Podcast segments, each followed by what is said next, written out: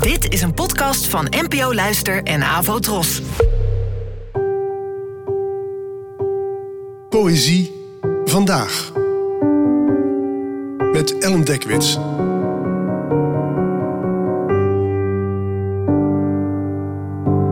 Hallo, fijn dat je luistert.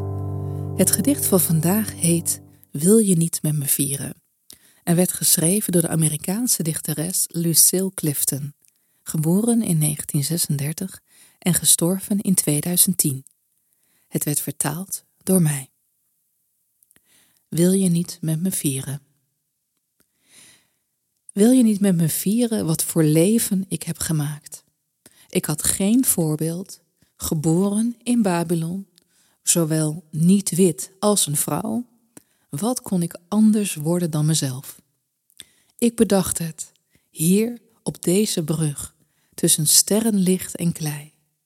Mijn ene hand die mijn andere hand stevig vasthoudt.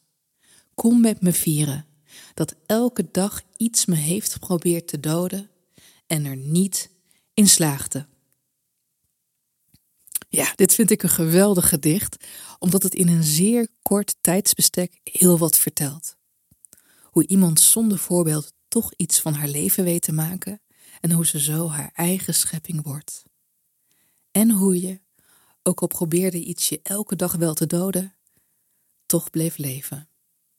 En wat dan resteert, is dit: een overwinningsvers van je welste. Bedankt voor het luisteren en tot de volgende keer. Abonneer je op deze podcast via de gratis app van NPO Luister. Daar vind je ook een handig overzicht van het complete podcastaanbod van de NPO. Afro Tros, de omroep voor ons.